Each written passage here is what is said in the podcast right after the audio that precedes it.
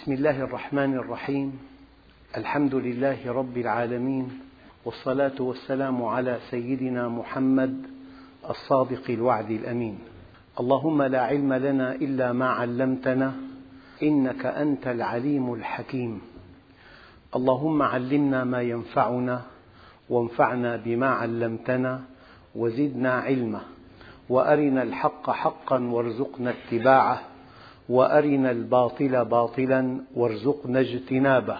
واجعلنا ممن يستمعون القول فيتبعون أحسنه وأدخلنا برحمتك في عبادك الصالحين. أخرجنا من ظلمات الجهل والوهم إلى أنوار المعرفة والعلم ومن وحول الشهوات إلى جنات القربات. أيها الإخوة الكرام مع الدرس الأول من سورة الأعراف.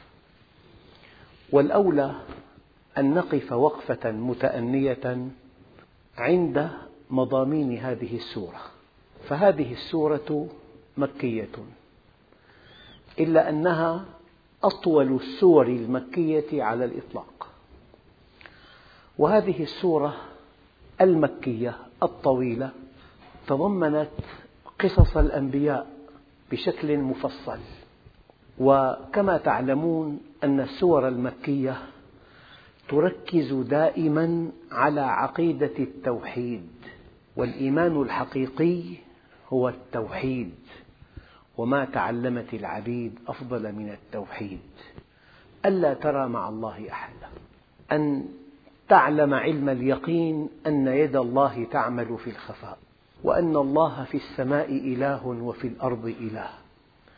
وأنه ما لكم من دونه من ولي ولا يشرك في حكمه أحدا وأنه ما يفتح الله للناس من رحمة فلا ممسك لها وما يمسك فلا مرسل له من بعده.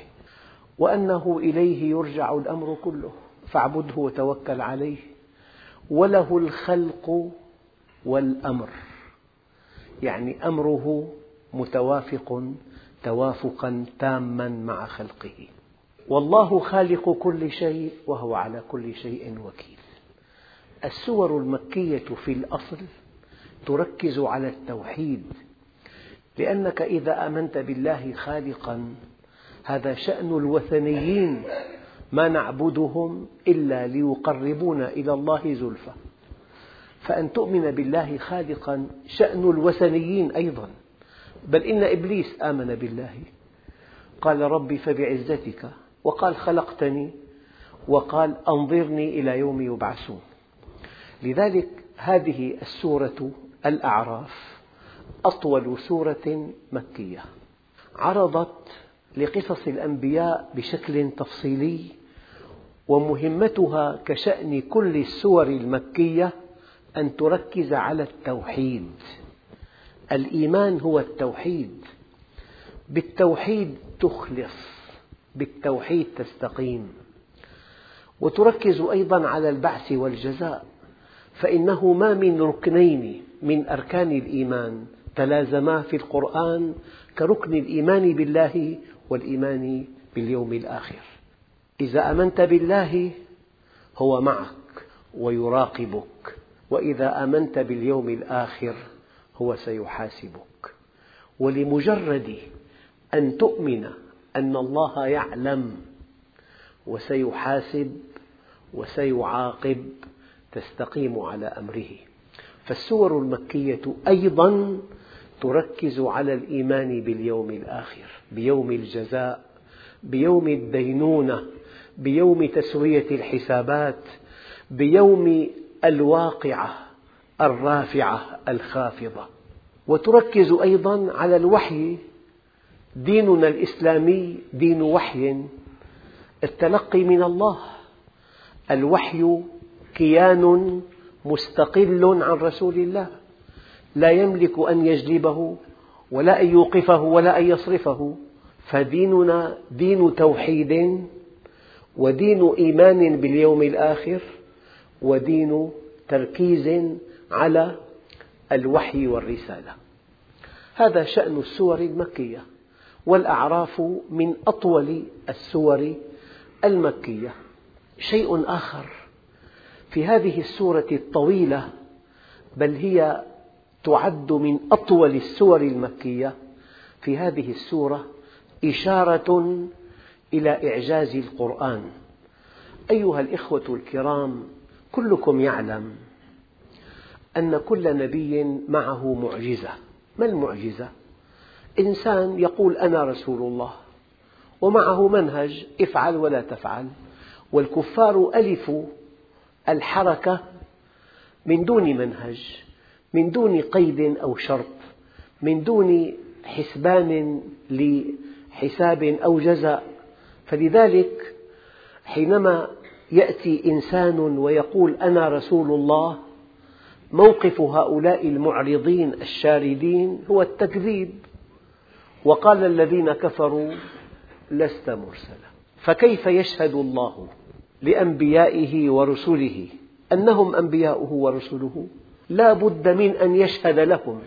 شهادة الله لهم بالمعجزات. يعني يجري على أيديهم خوارق للنواميس. لا يستطيعها إلا خالق الأكوان. سيدنا موسى ألقى عصاه فإذا هي ثعبان مبين. سيدنا عيسى أحيا الميت. سيدنا إبراهيم لم تستطع النار أن تحرقه. هذه معجزات إثبات للناس أن هؤلاء الرجال أنبياؤه. أو شهادة الله للبشر أن هؤلاء الأنبياء والرسل هم أنبياؤه ورسله. إلا أن المشكلة أن الأنبياء السابقين هم أنبياء لأقوامهم فقط. كل نبي له قوم ولكل قوم هاد. لذلك المعجزات كانت حسية أي مادية. ألقى عصاه فإذا هي ثعبان مبين. نزع يده فإذا هي بيضاء للناظرين. معجزات حسية كتألق عود الثقاب. تألقت مرة واحدة وانطفأت وأصبحت خبرا. يصدقه من يصدقه ويكذبه من يكذبه. إلا أن بعثة النبي عليه الصلاة والسلام لكل الأمم والشعوب بل هو رحمة للعالمين. فلا يمكن أن تكون معجزته حسية منقطعة خبرا يصدق أو يكذب. لا بد من أن تكون معجزته مستمرة إلى نهاية الحياة. لذلك كانت معجزة النبي صلى الله عليه وسلم معجزة علمية. في القرآن الكريم ألف وثلاثمئة آية تتحدث عن الكون. بل فيها سبق علمي. إشارات قرآنية إلى قوانين وإلى حقائق اكتشفت بعد ألف وأربعمائة عام. قبل أن يرتاد الإنسان الفضاء ماذا يعلم ماذا في الفضاء؟ هو في الأرض. لما ارتاد الفضاء وتجاوز طبقة الهواء وانعدم تناسل الضوء صاح الرائد الفضائي لقد أصبحنا عميا لا نرى شيئا. أما أن نفتح القرآن الكريم لنجد آية تقول ولو فتحنا عليهم بابا من السماء فظلوا فيه يعرجون لقالوا إنما سكرت أبصارنا بل نحن قوم مسحورون. أما أن تصل بحوث علم الجنين بعد ألف عام وزيادة إلى أن نوع الجنين لا علاقة للبويضة به إطلاقا. الذي يحدد نوع الجنين النطفة فقط. أن تأتي آية وتقول وأنه خلق الزوجين الذكر والأنثى من نطفة إذا تمنى. أما أن يكتشف العلم أن كل شيء مؤلف من ذرات وفيها نواة وفيها كهارب وفيها مدارات وكل شيء يدور في الكون الصخر الحجر الخشب كل شيء. أما أن نقرأ قوله تعالى وكل في فلك يسبحون. الحديث طويل. ألف وثلاثمائة آية في القرآن الكريم فيها سبق علمي. هي أدلة قاطعة يقينا مئة بالمئة أن الذي خلق الأكوان هو الذي أنزل هذا القرآن. ففي هذه السورة إشارات كثيرة إلى الإعجاز العلمي في القرآن الكريم. ذلك أنك تؤمن بالله بواسطة عقلك من خلال الكون. فالكون مظهر لأسماء الله الحسنى وصفاته الفضلى. وتؤمن بالقرآن من خلال إعجازه. أنت راكب طائرة 777 أحدث طائرة بالعالم أو قبل أحدث طائرة على ارتفاع أربعين ألف قدم على مقعد وسير الجو مكيف ومدفأ تتناول كل الأطعمة النفيسة والشرابات النفيسة أمام قنوات عديدة جدا تتابع الأخبار وكل شيء على ما يرام وتفتح القرآن الكريم لتقرأ قوله تعالى والخيل والبغال والحمير لتركبوها. راكب طيارة هو. 777 وزينة. أما حينما تتابع الآية ويخلق ما لا تعلمون يقشعر جلدك. دخلت الطائرة في كلمة ويخلق ما لا تعلمون. ودخل القطار ودخلت السيارة ودخلت الحوامة. أما أن تشاهد على موقع معلوماتي آه، وردة جورية بكل ما في هذه الكلمة من معنى. وردة جورية بأوراق الحمراء الداكنة. بوريقاتها الخضراء الزاهية بكأسها الأزرق في الوسط. ثم يكتب تحت هذه الصورة صورة انفجار لنجم يبعد عنا ثلاثة آلاف سنة ضوئية. اسم هذا النجم عين القط. يبعد عنا ثلاثة آلاف سنة ضوئية. والأربع سنوات ضوئية. لو أردنا أن نصل إلى هذا النجم بمركبة أرضية لاحتجنا إلى خمسين مليون عام. ثلاثة آلاف سنة ضوئية. أما أن تفتح القرآن الكريم لتقرأ قوله تعالى فإذا انشقت السماء فكانت وردة كالدهان فبأي آلاء ربكما تكذبان؟ إذا في هذه السورة سورة الأعراف تركيز على إعجاز القرآن الكريم. وأنت تؤمن بأن هذا الكتاب كلام الله يقينا من خلال إعجازه. والآن الإعجاز العلمي في القرآن والسنة أقوى علم يرد به على من يشكك بالدين. يقينا وعقلا وفطرة وبديهة. هذه الإشارات العلمية في القرآن الكريم لا يمكن أن تكون إلا من عند خالق الأكوان. وكأن الإعجاز العلمي في القرآن الكريم هو أن تقتنع أن الذي خلق الأكوان هو الذي أنزل هذا القرآن. شيء آخر في هذه السورة سورة الأعراف بيان إلى أن الإنسان مكرم ولقد كرمنا بني آدم وحملناهم في البر والبحر. ورزقناهم من الطيبات وفضلناهم على كثير ممن خلقنا تفضيلا. الإنسان مكرم. والإنسان هو المخلوق الأول. إنا عرضنا الأمانة على السماوات والأرض والجبال فأبين أن يحملنها وأشفقن منها وحملها الإنسان. الإنسان مكرم. والإنسان هو المخلوق الأول. والإنسان هو المخلوق المكلف. وما خلقت الجن والإنس إلا ليعبدون. والعبادة طاعة طوعية ممزوجة بمحبة قلبية أساسها معرفة يقينية تفضي إلى سعادة أبدية. وفي هذه السورة تبين أن حكمة الله وإرادته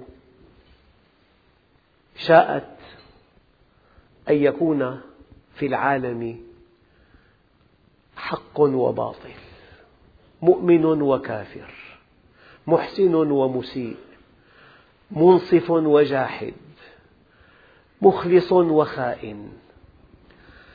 هذه المفارقة أو هذه الإثنينية في الحياة تقتضي صراعا بين الحق والباطل. وكنت أقول دائما كان من الممكن أن يكون الطرف الآخر في كوكب آخر. إذا ليس هناك مشكلة. وكان من الممكن أن يكون الطرف الآخر في قارة أخرى. وكان من الممكن أن يكون الطرف الآخر في حقبة أخرى. ولكن شاءت حكمة الله أن يجتمع المؤمنون مع الكافرين. أهل الحق مع أهل الباطل. أهل الدنيا مع أهل الآخرة. أهل العقل مع أهل الشهوة أهل القيم مع أهل المصالح أهل المبادئ مع أهل الغرائز. هكذا. إذا لا بد من معركة أزلية أبدية بين الحق والباطل. لا بد. لذلك يعلمنا ربنا جل جلاله درسا بليغا في هذه السورة.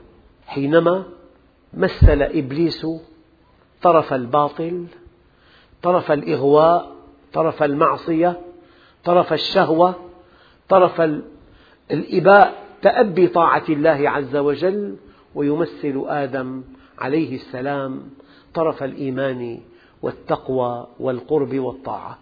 وكيف استطاع إبليس مستغلا فطرة آدم السليمة وطيبه فاستطاع أن يخرجه من الجنة. هذا درس بليغ لنا.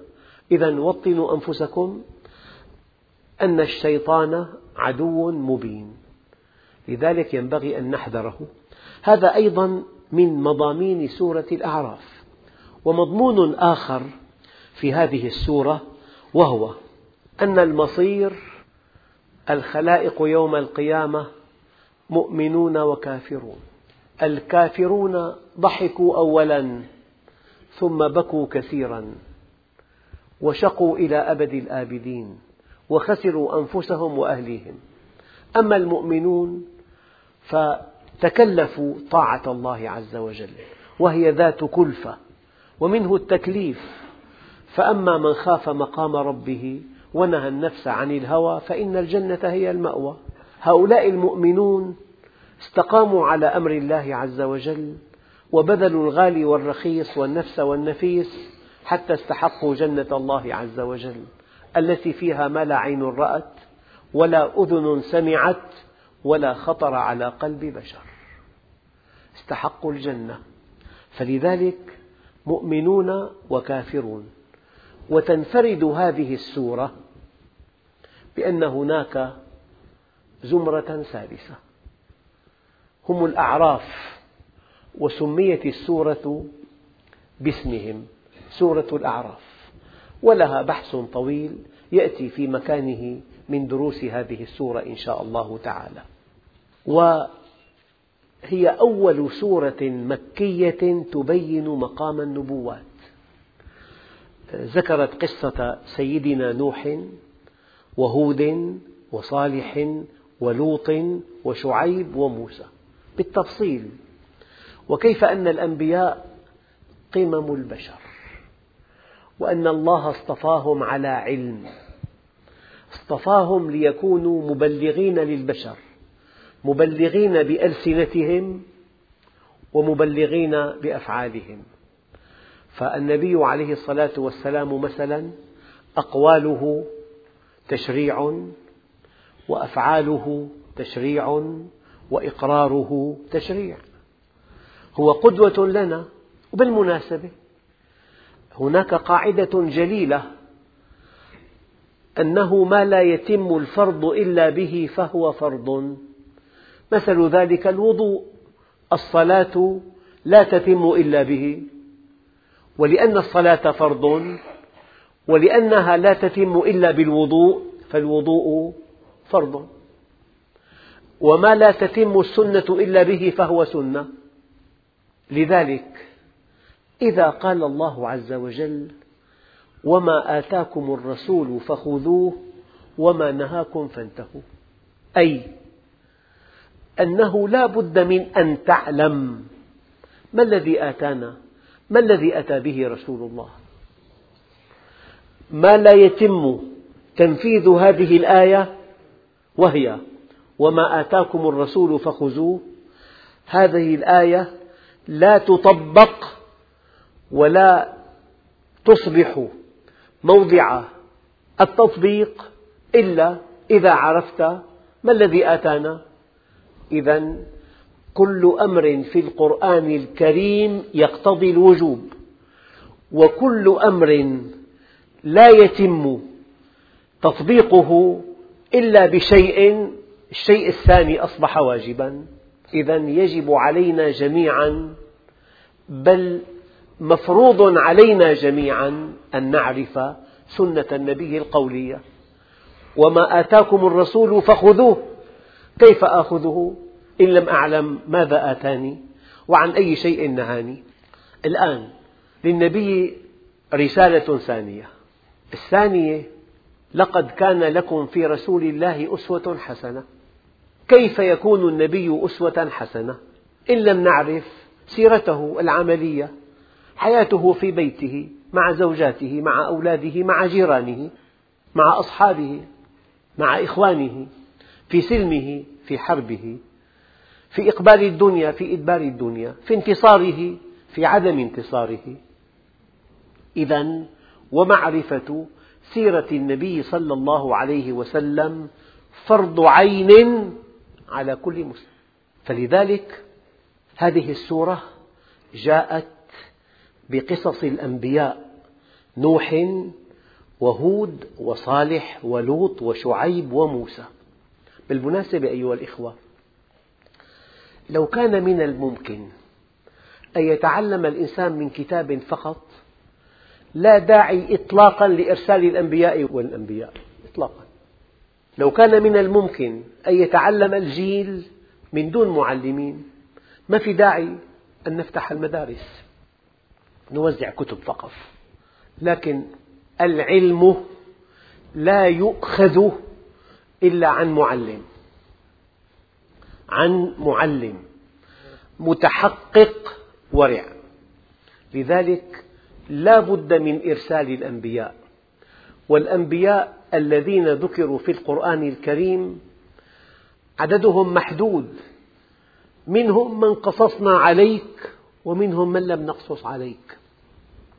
قرأت في بعض الكتب أن العدد التقريبي بالآلاف لكن نحن في كتابنا الكريم ذكرت قصص بعض الأنبياء.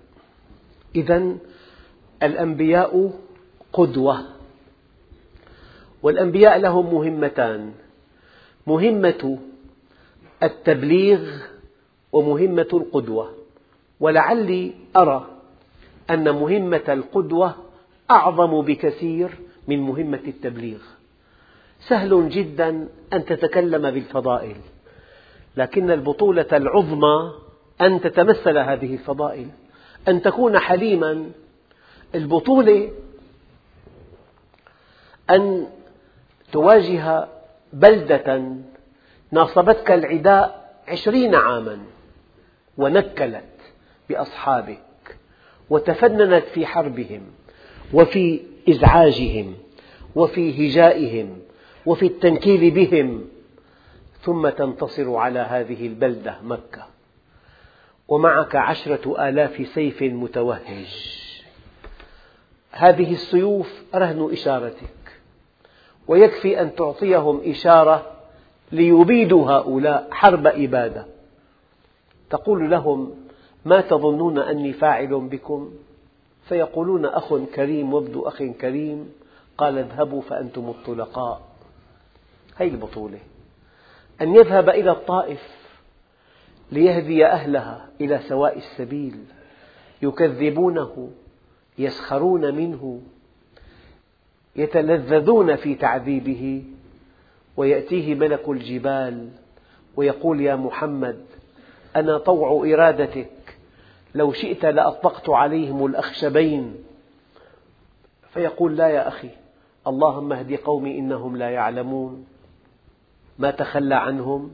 قال قومي. ودعا لهم بالهدى واعتذر عنهم فإنهم لا يعلمون. ورجى الله أن يخرج من أصلابهم من يوحده. هذا الكمال. لذلك الأنبياء والمرسلون يعلموننا بكمالاتهم أضعاف ما يعلموننا بألسنتهم. لذلك قال بعضهم إن, إن دلالة سيرة النبي صلى الله عليه وسلم على فهمه لكتاب الله أبلغ من دلالة كلماته. لأن الكلام يؤول أما السلوك حدي السلوك لا يؤول. هكذا فعل مع جاره وهكذا. إذا في هذه السورة الكريمة إشارة أيضا إلى أن الأنبياء هم قمم البشر وقد اصطفاهم الله على علم. إن الله اصطفى آدم ونوحا وآل إبراهيم وآل عمران على العالمين. اصطفاهم على علم. شيء آخر. في هذه السورة أيضا شرح لإنسان تاجر بهذا العلم. اشترى به ثمنا قليلا. وصدقوا أيها الإخوة ما من مثل يقفز إلى ذهني كهذا المثل. لو أنك وجدت على الطاولة ورقة مستطيلة بيضاء وظننتها ورق من سقط المتاع. كتبت عليها بعض الكلمات ثم مزقتها. ثم اكتشفت أنها شيك بمئة مليار دولار. فلما مزقتها خسرت المبلغ كله. كم هو الندم؟ هذا الذي يتاجر بالدين. هذا الذي يشتري بآيات الله ثمنا قليلا. هذا الذي يتقرب إلى الناس باتجاه ديني كاذب. لذلك يقول الإمام الشافعي لأن أرتزق بالرقص أهون من أن أرتزق بالدين. لذلك ولو شئنا لرفعناه بها ولكنه أخلد إلى الأرض واتبع هواه فمثله كمثل الكلب إن تحمل عليه يلهث أو تتركه يلهث.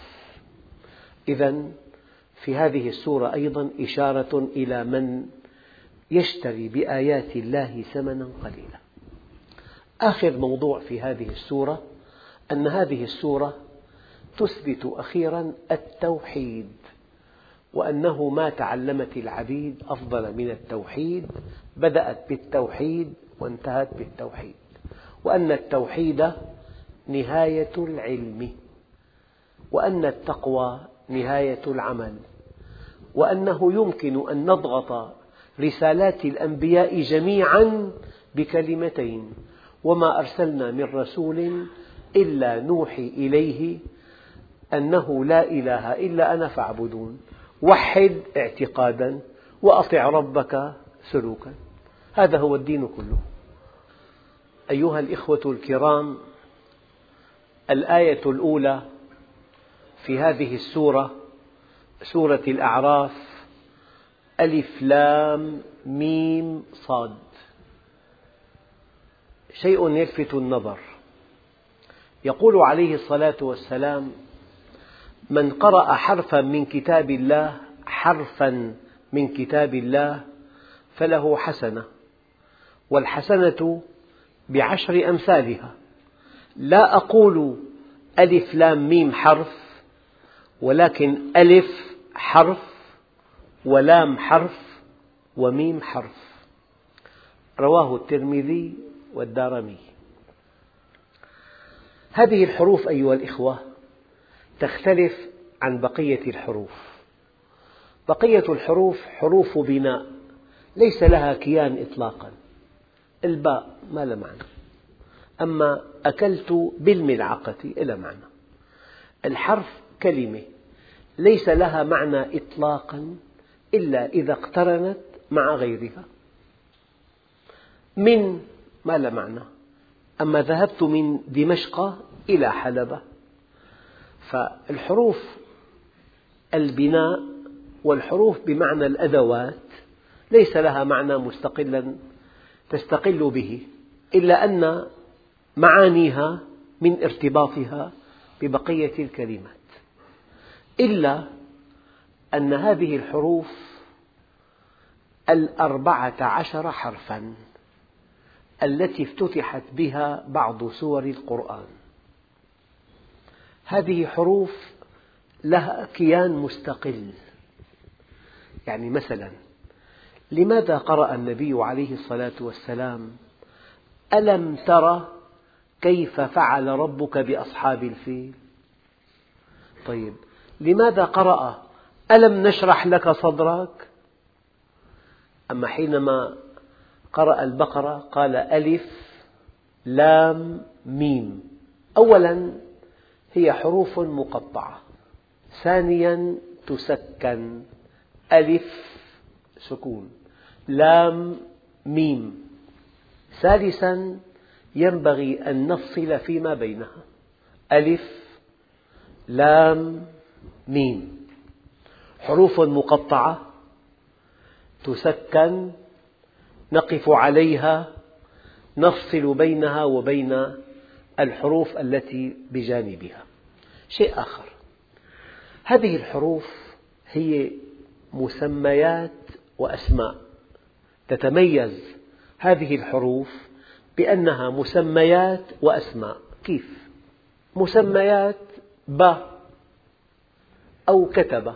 ك مسمى. ت مسمى ب مسمى كتب. أما الأسماء كاف كاف ألف في كاف مفتوحة هذا اسمه وتاء مفتوحة وباء مفتوحة. صار في الحرف له مسمى يعني صوته. وله اسم ألف باء جيم دال تاء ضاء عين غين قاف كاف.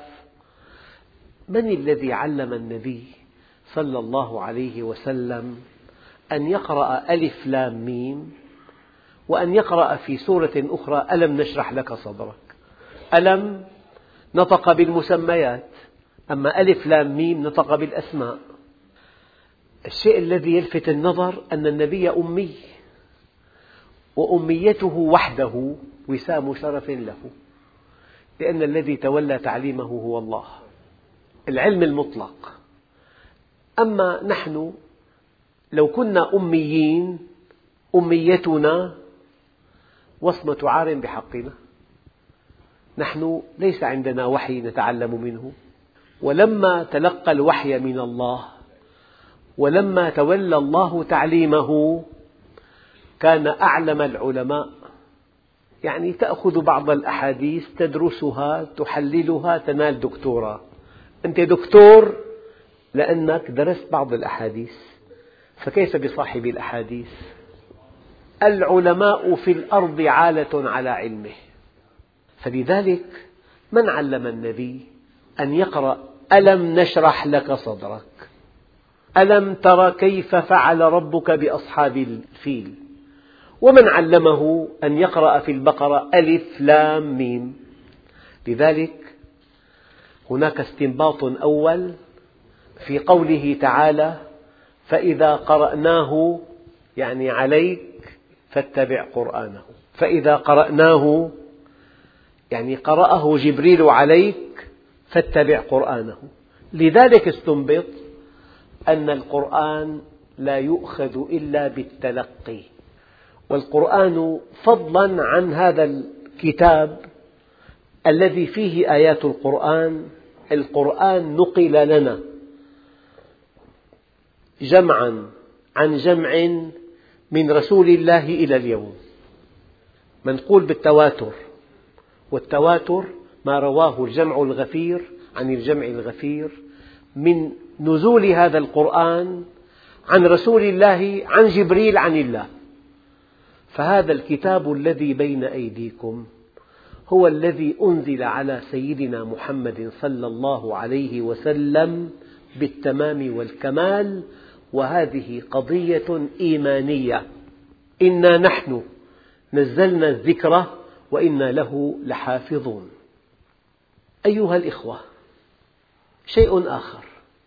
هذه الحروف حروف المعجم ثمانية وعشرون حرفا.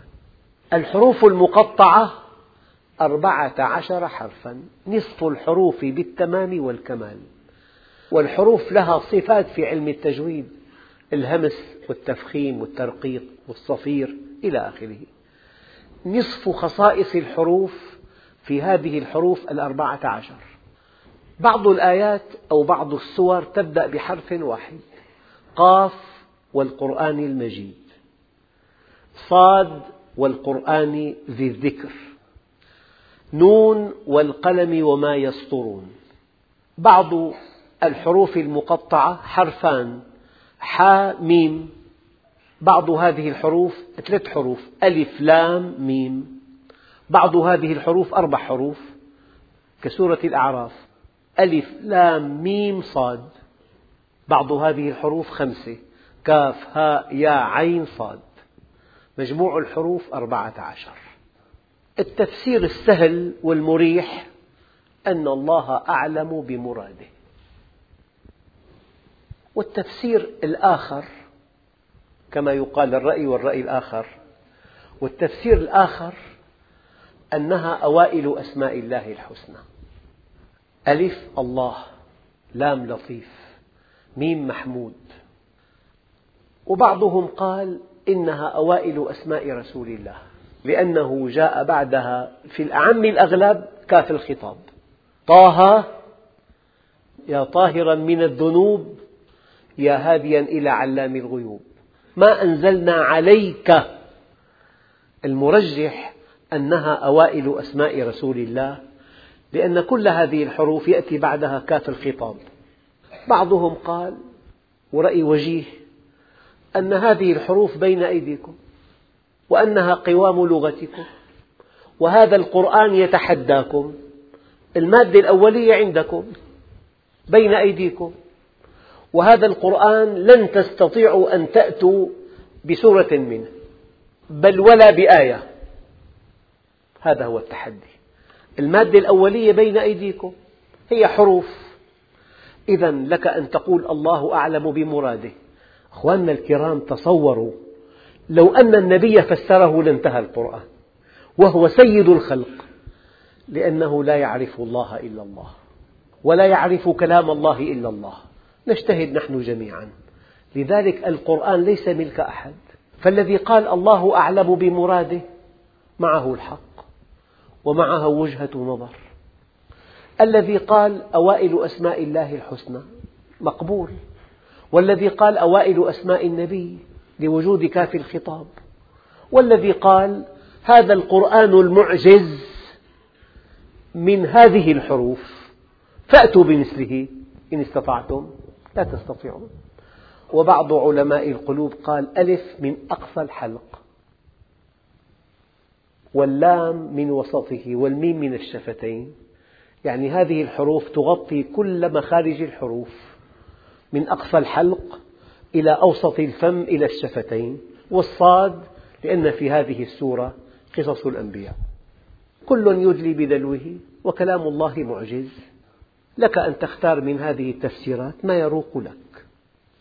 أيها الإخوة الكرام في درس قادم إن شاء الله نتابع تفسير الآية التي تلي هذه الآية والحمد لله رب العالمين.